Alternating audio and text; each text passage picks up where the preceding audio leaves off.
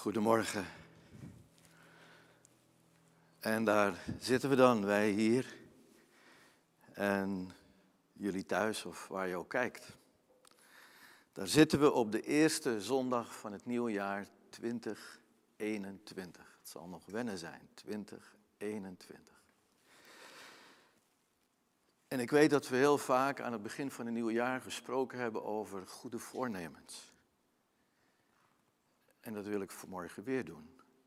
Maar niet over uw, jouw en mijn goede voornemens. Nee, vanmorgen willen we spreken over Gods goede voornemen. En als er één begin van een nieuw jaar is waar we het van die voornemens moeten verwachten, dan is het denk ik aan het begin van 2021.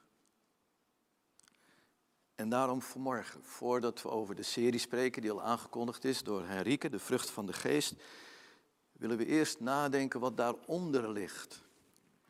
En dat is het voornemen van God.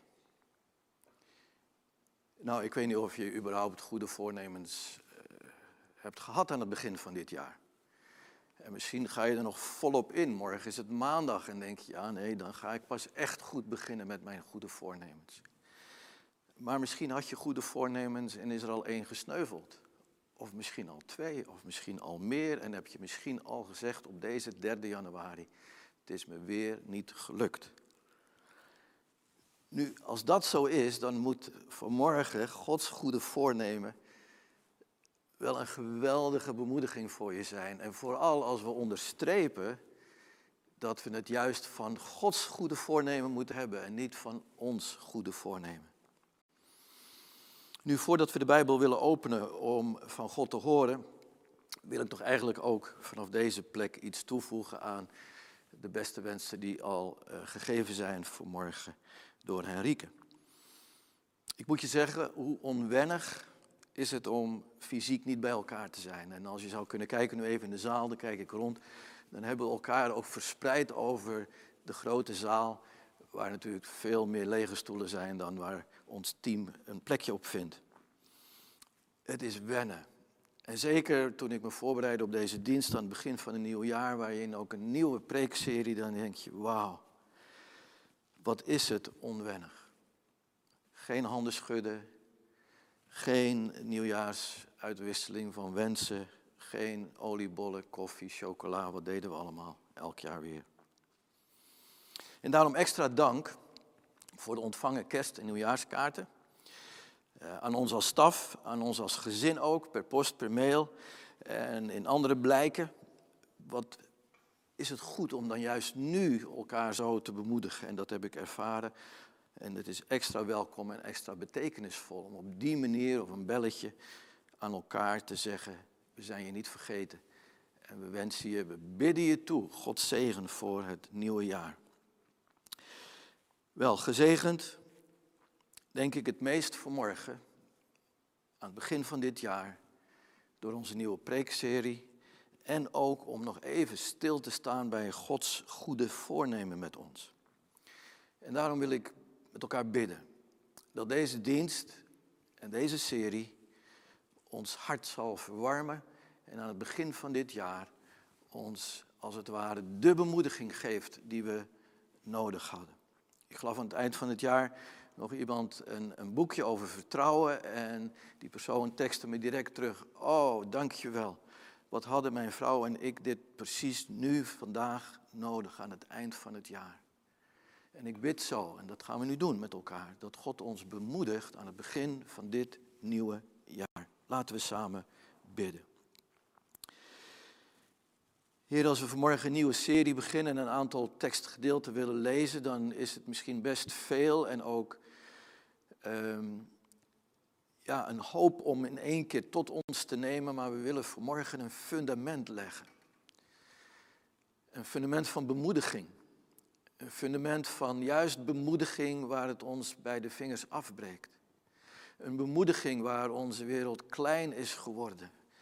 Waar we ons als een Hugo de Groot misschien wel opgesloten voelen in het slot. Wat we net gezien hebben in een van de wensen van goed, eh, een, een goed nieuw jaar, dat we meer vrijheid krijgen. Maar die grootste vrijheid ligt in ons eigen hart.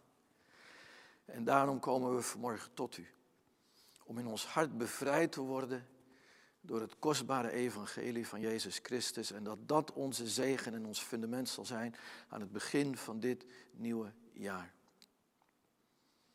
Mogen we dat maar heel eenvoudig bidden. Heilige Geest, kom en vul ons hart. Open onze oren, open onze ogen. En mogen de deur van ons hart wagenwijd openzetten, opdat u in de volheid van uw geest ons geeft wat we nodig hebben. Dat bidden we in Jezus' naam. Amen. Nu, als je gehoord hebt dat God goede voornemens heeft, is dat dan zomaar dat ik dat noem? Nee, het komt uit Efeze 1. En Henrike, zou jij met ons willen lezen, Efeze 1, beginnend bij vers 4. In Christus immers heeft God, voordat de wereld gegrond werd, ons vol liefde uitgekozen, om voor Hem heilig en zuiver te zijn. En Hij heeft ons naar Zijn wil en verlangen voorbestemd, om in Jezus Christus Zijn kinderen te worden, tot eer van de grootheid van Gods genade, ons geschonken in Zijn geliefde Zoon. In Hem zijn wij ook een erfdeel geworden, wij die daartoe voorbestemd waren, naar het voornemen van Hem, die alle dingen werkt overeenkomstig de raad van Zijn wil, opdat wij tot lof van Zijn heerlijkheid zouden zijn. Dankjewel. Voorbestemd om naar Gods verlangen in Jezus Christus Gods kinderen te zijn. We hebben net gehoord van het overlijden van Flos Pijnakker. In de dienst van donderdag werden haar laatste woorden genoemd. En die woorden waren precies, ik ben een kind van God. Naar Gods verlangen, zegt Efeze 1. Voorbestemd om kind van God te zijn. Wat is het kostbaar als dat het laatste woord is. Het laatste getuigenis over je lippen. Voordat je in Gods heerlijkheid wordt opgenomen. Maar ik zou ook willen zeggen, het is ook het mooiste woord om het jaar mee te beginnen. Een jaar waarvan we niet weten wat het gaat brengen. En probeer je voor te stellen wat hier ons geopenbaard wordt. Aan het begin van het jaar misschien wel onderstreept met dikke streep. Dit is wie we zijn, dit is wie onze God is en dit is zijn voornemen met ons. Bedenk, God heeft ons vol liefde uitgekozen en voorbestemd om in zijn geliefde Zoon Jezus Christus zijn kinderen te worden, om zo naar zijn voornemen hem tot lof en heerlijkheid te zijn. Zo vaak denken we aan de voorbestemming alleen voor straks, de hemel. Maar reeds nu mogen we tot de lof en heerlijkheid van God zijn want dat is zijn voornemen met ons. Anders gezegd, aan het begin van dit nieuwe jaar heeft God dus het voornemen dat wij als zijn kinderen, als zijn erfgenamen, naar zijn liefde, naar zijn geliefde zoon Jezus Christus, hem tot lof en heerlijkheid zijn. Als dat Gods voornemen is, gaat dat voornemen van God lukken in 2021 gaat Gods voornemen met u, met jou, met mij lukken in 2021? Nou, laat ik direct zeggen, als het aan mij ligt, niet. En ik denk, als we eerlijk zijn zoals we hier zitten en jij thuis, dat jij ook moet zeggen, als het aan mij ligt, gaat het God niet lukken met dat voornemen. En weet je, misschien is dat wel de beste constatering, de beste conclusie die we aan het begin van een jaar kunnen eh, onderstrepen met elkaar. Als het aan mij ligt, aan ons ligt, gaat het God niet lukken dat we tot eer van Zijn lof en heerlijkheid in 2020 gaan leven. Terwijl dat Zijn voornemen is. Maar als het aan ons lukt, gaat dat voornemen niet lukken. Zullen we vanmorgen met elkaar die constatering, die conclusie trekken en zeggen, we verwachten het daarom helemaal niet van onszelf. We verwachten alles van God. Want ons gewicht in de schaal zal geen enkele invloed hebben. Helemaal niet als we denken dat het aan ons ligt of God met zijn voornemen dit jaar zal slagen. Daarom zou ik gewoon maar willen zeggen, in alle ontspannenheid aan het begin van een nieuw jaar, de beste start voor een nieuw jaar, de beste start voor een nieuwe preekserie is daarom de titel die we gekozen hebben. En de titel van onze serie is niet de vrucht van jou en mij, de vrucht van ons. Nee, de titel van vanmorgen is de vrucht van de geest.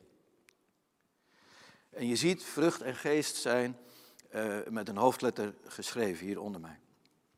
En dat is om te benadrukken dat Gods voornemen gelukkig niet afhangt van onze inspanning. Stel je voor. Nu laten we de Bijbeltekst met elkaar lezen. Gelaten 5 vers 22, waar die woorden precies zo staan. De vrucht van de geest. Gelaten 5 vers 22. Want daar vinden we dat de apostel deze woorden gebruikt. Wij hebben de V nog even met een hoofdletter gezet. Dat staat niet in de originele tekst trouwens, de G met een hoofdletter ook niet, maar we weten dat daar de geest van God mee bedoeld is, de Heilige Geest. Maar wij onderstrepen het omdat daarmee wij willen zeggen aan het begin van een jaar, die vrucht is niet de vrucht van mij, die geest is niet de geest en inspanning van mij, het is de vrucht, de geest van God. Laten we de woorden lezen zo bekend. Sommigen kennen misschien die teksten uit het hoofd. Kinderen hebben het misschien geleerd op onze meerkids. Dankjewel Enrique. En dan lezen we gelaten 5 vers 22. Maar de vrucht van de geest is liefde, vreugde en vrede. Geduld, vriendelijkheid en goedheid. Geloof, zachtmoedigheid en zelfbeheersing. En vanmorgen spreken we dus over dat eerste karaktereigenschap liefde. Er zijn er uiteindelijk negen. De serie is ook negen zondagen. Vanmorgen de eerste. Liefde.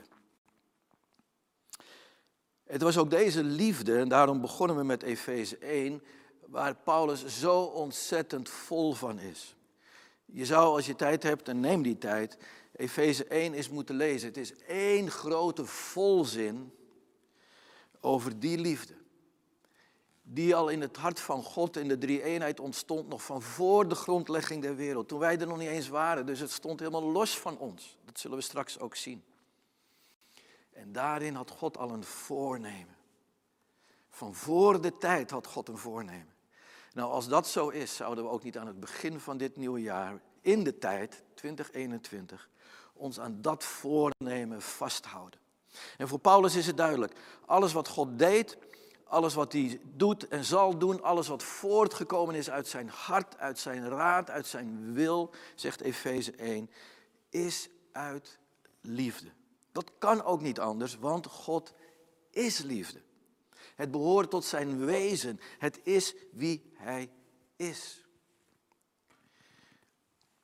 Die liefde laten we dat direct aan het begin van de serie noemen. Dat is misschien ook wel het enige handvat waarmee we de serie als het ware kunnen begrijpen en kunnen vatten. Die liefde is van een hele andere orde dan de onze. Hoeveel de liefde ook bezongen is. We hebben net weer elk jaar de top 2000.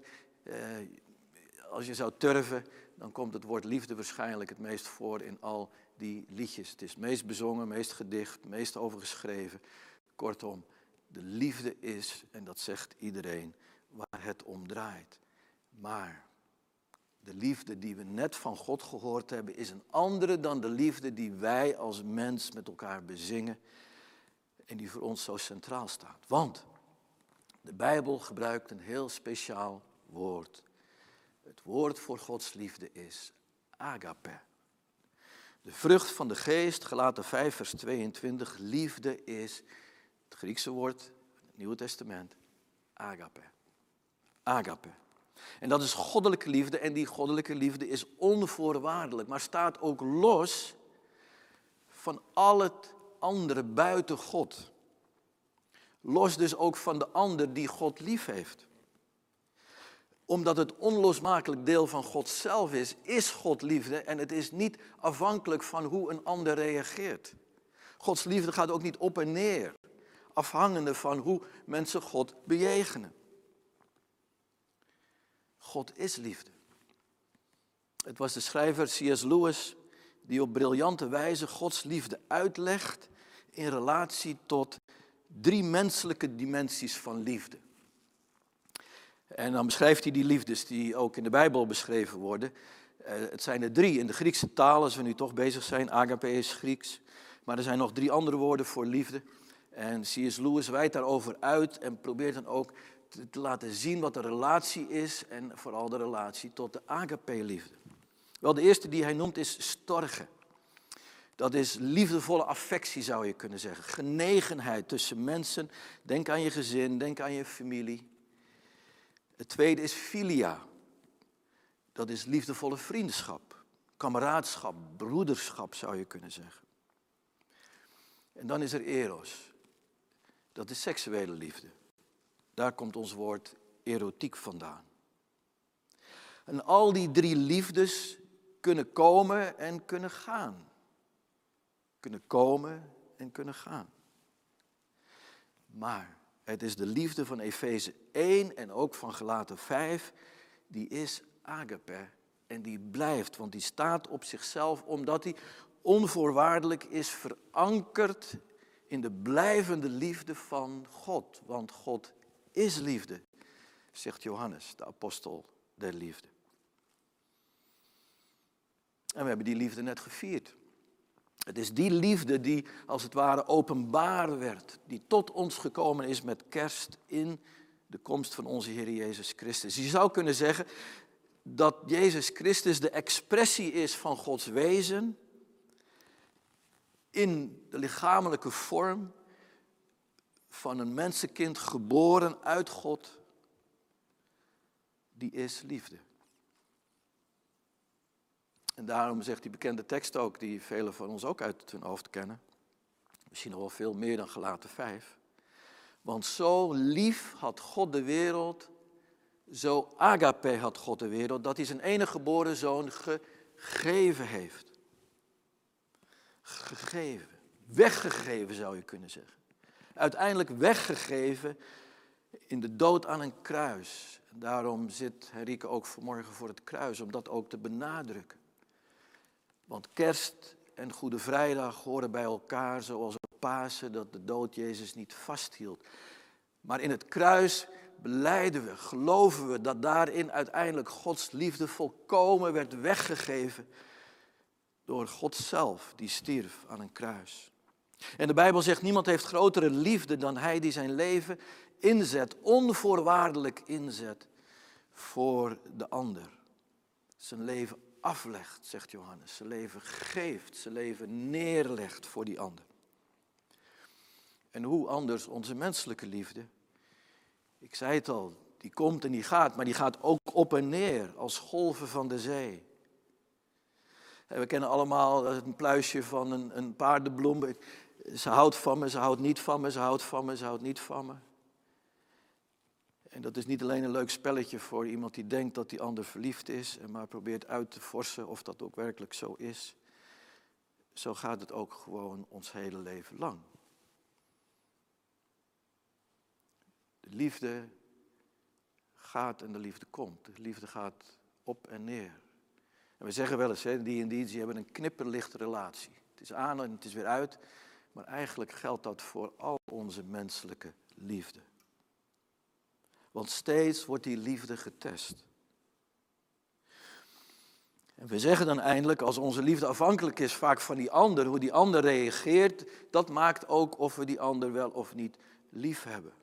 Hoe die ander ons bejegent, heeft enorme invloed op ons gestel, ons gemoed, onze affectie, we noemden het net al, onze genegenheid, onze liefde.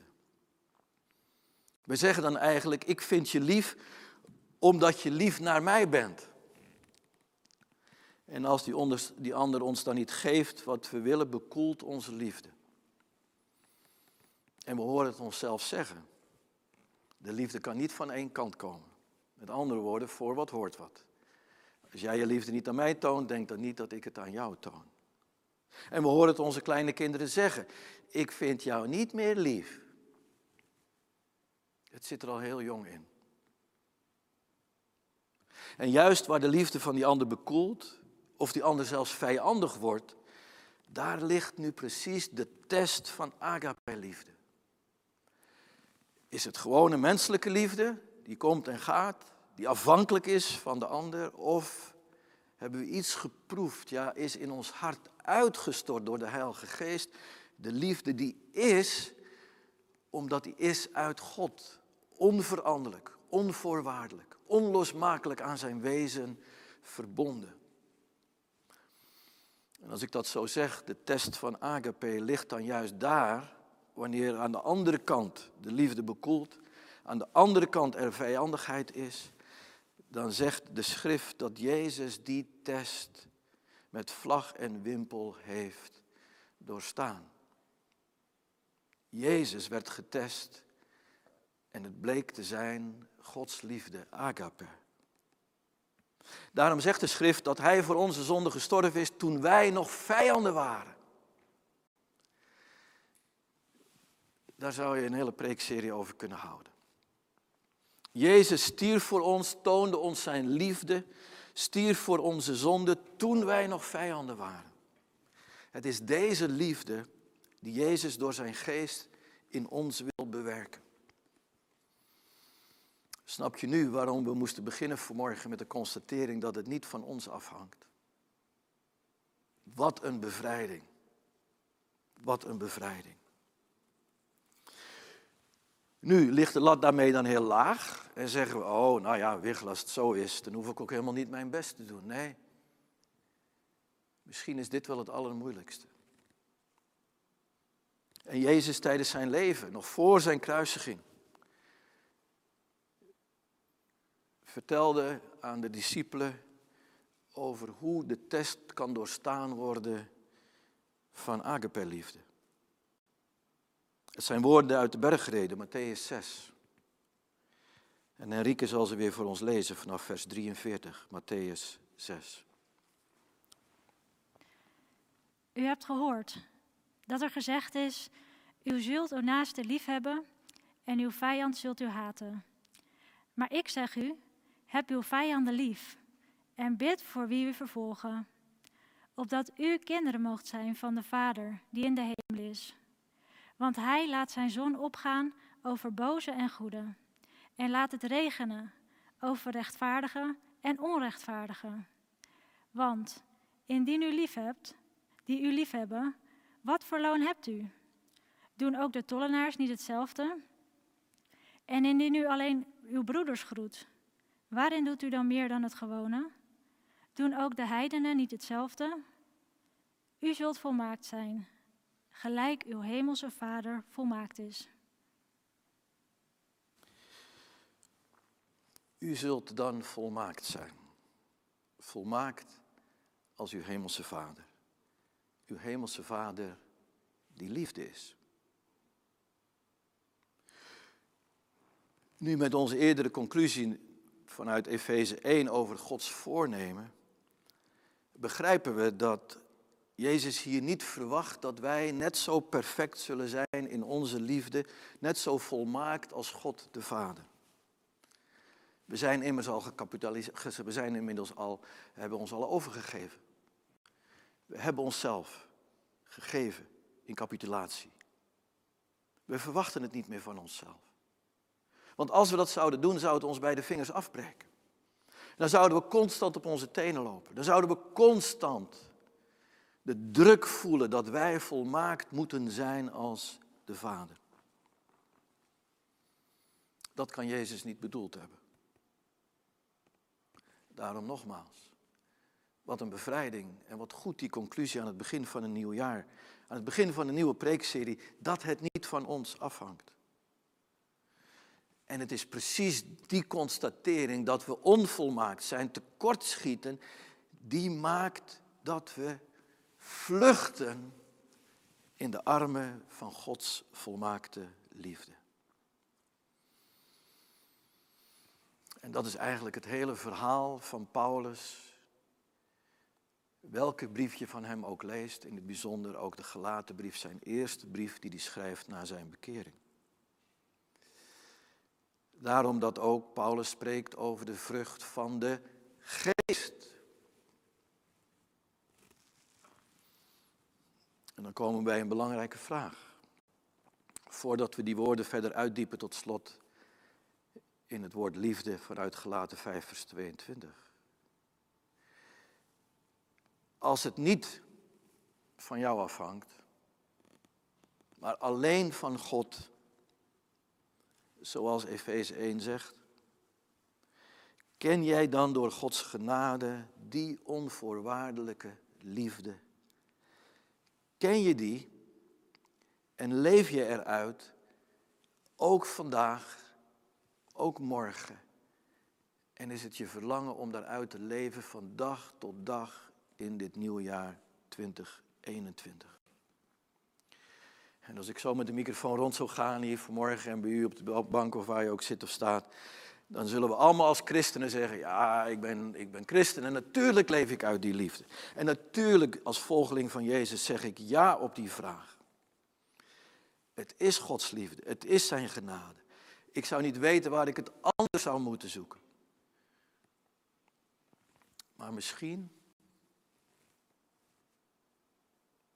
als we heel eerlijk zijn, hebben we het dan vaak over de dag van onze bekering.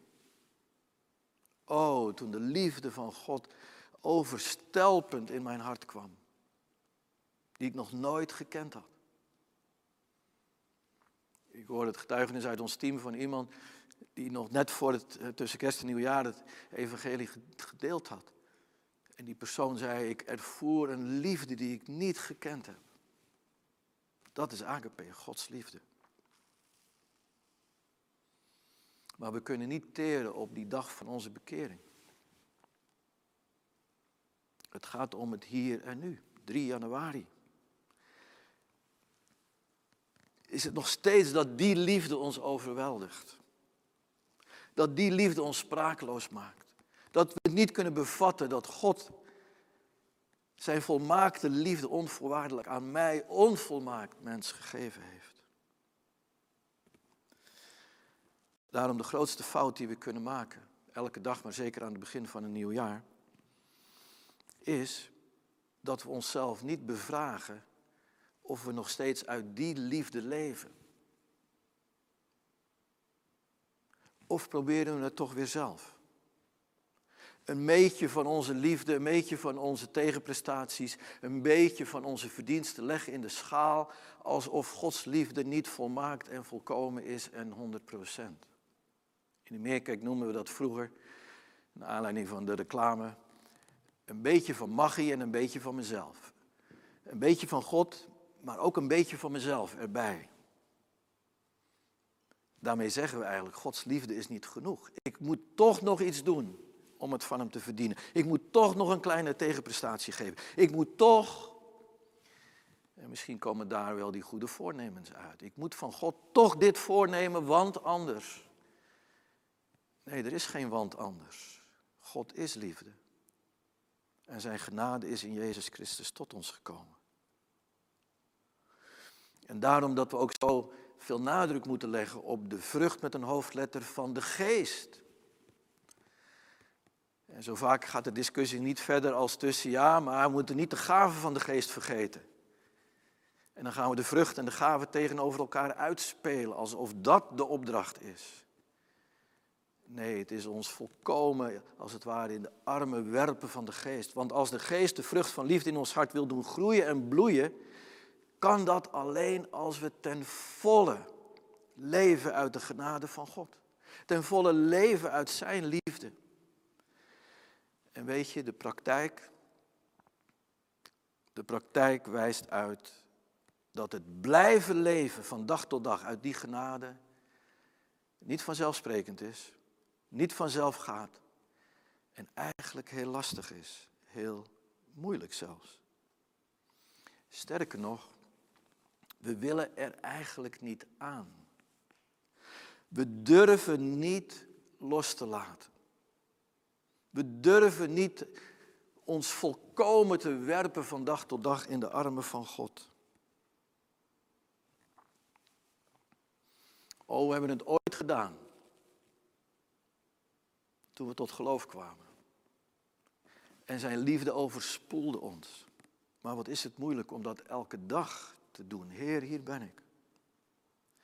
Want in ons zit iets dat we Gods liefde liever verdienen. Of we willen er een tegenprestatie voor leveren. Die neiging zit heel diep. En dat is nu precies waarom Paulus de brief aan de Galaten schreef. En we zullen daar in de rest van de serie met elkaar naar kijken.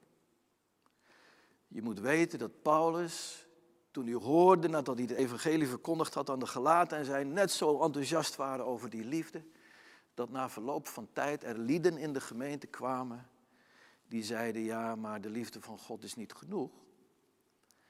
Het is niet Jezus en Jezus alleen en zijn genade. Je moet er zelf iets aan toevoegen. En ze begonnen te leren om de Joodse wet van Mozes weer, bijna als in ere te herstellen. Ze begonnen te zeggen, je bent wel gedoopt, maar dat is niet genoeg. Je moet ook besneden worden.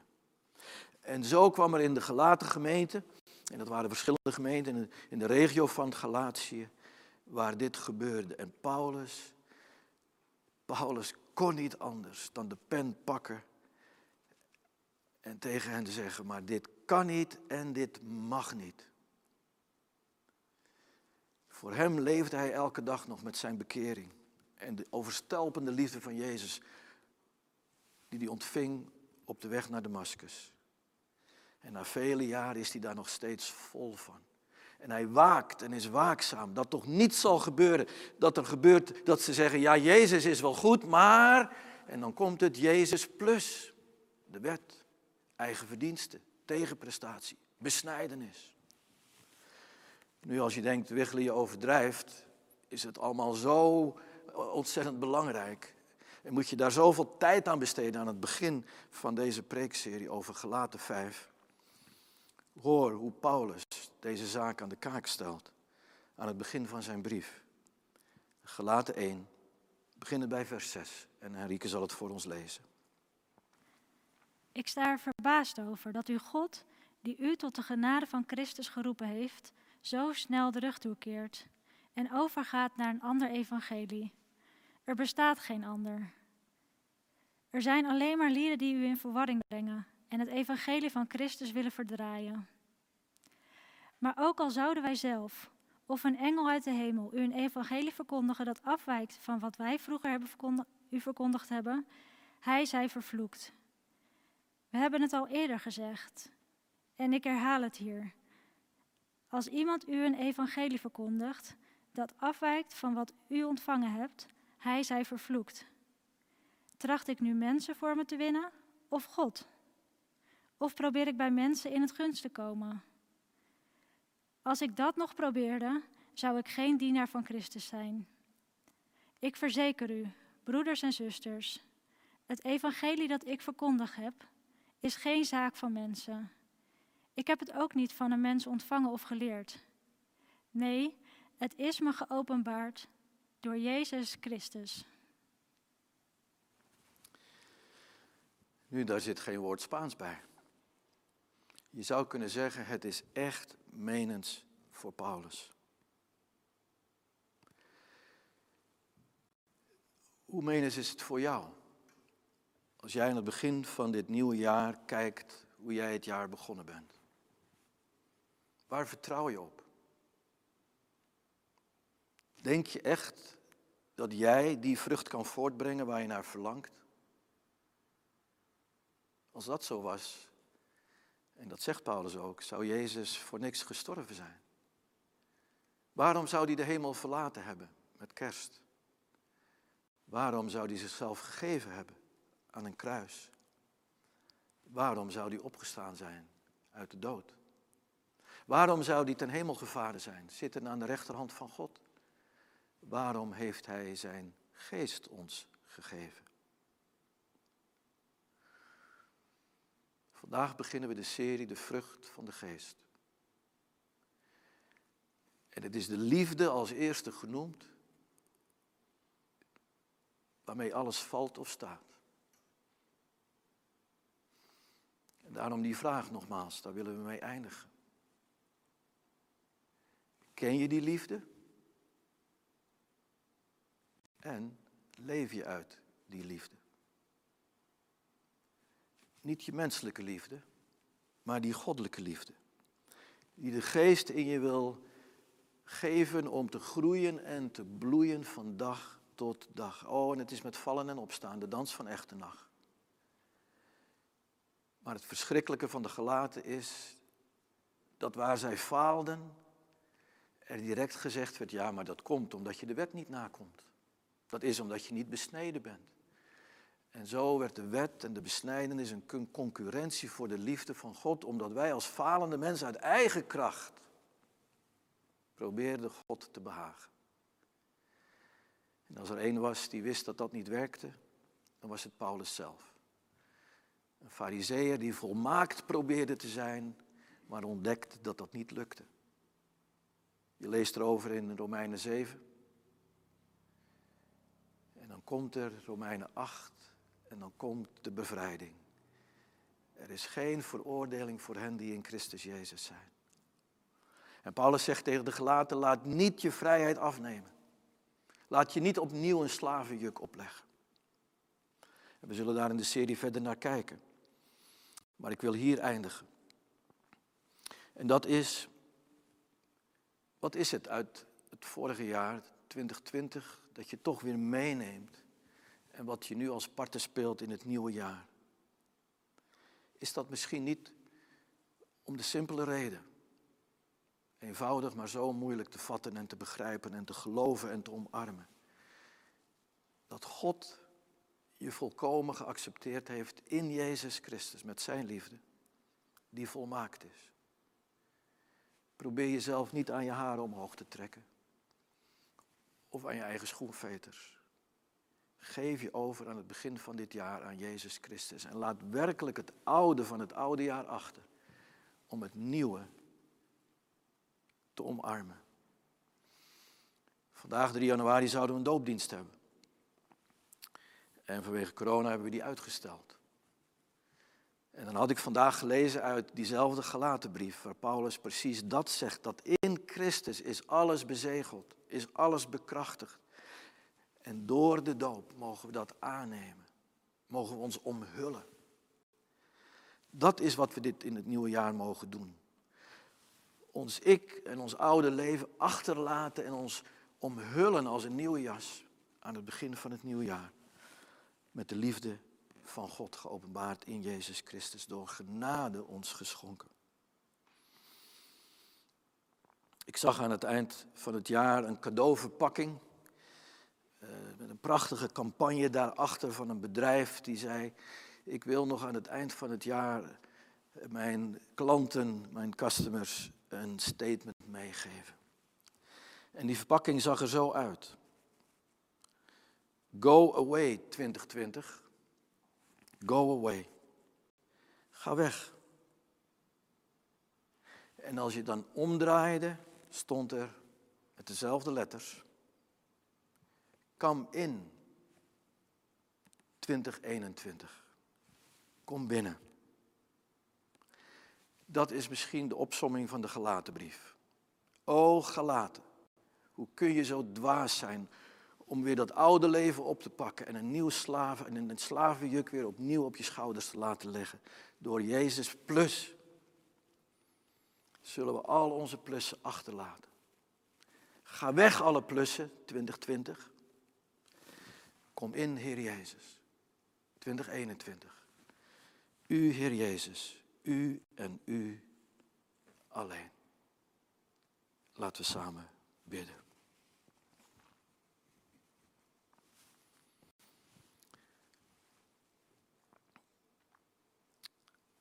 Heren, we zijn begonnen als eerste lied in het nieuwe jaar. God en God alleen. Gods liefde en Gods liefde alleen. En nu mogen we zeggen dat God in Jezus Christus niet anders wil dan dat we beleiden Jezus en Jezus alleen. En we willen al die plussen die we in de weegschaal leggen, Alsof uw liefde niet genoeg was, uw genade niet genoeg, uw vergeving niet genoeg. Kortom, het evangelie van Jezus Christus niet genoeg. Vergeef ons. En mogen we het afleggen als een slavenjuk. En ons weer volledig laten omhullen door Jezus Christus en Hij alleen. Heer, we willen een moment stil zijn. En mogen we zelf misschien woorden geven aan Go away 2020 en come in 2021. Ga weg, oud jaar. Kom in, kom binnen. Heer Jezus, kom binnen in 2021 op deze 3 januari. Mogen we zo stil worden voor uw aangezicht en ons laten omarmen. Want het is zo waar wat Johannes zegt. Wij hebben lief omdat Hij ons eerst heeft lief gehad. Het begon met Hem van voor de grondlegging der wereld, toen wij nog vijanden waren. Het voornemen van onze God in Christus kinderen te zijn, Zijn kinderen. In liefde ontvangen, in liefde aangenomen. O Heer Jezus, mogen we afleggen en U omarmen die als eerste uw armen uitstrekte naar ons. Doe het in deze momenten van stil gebed.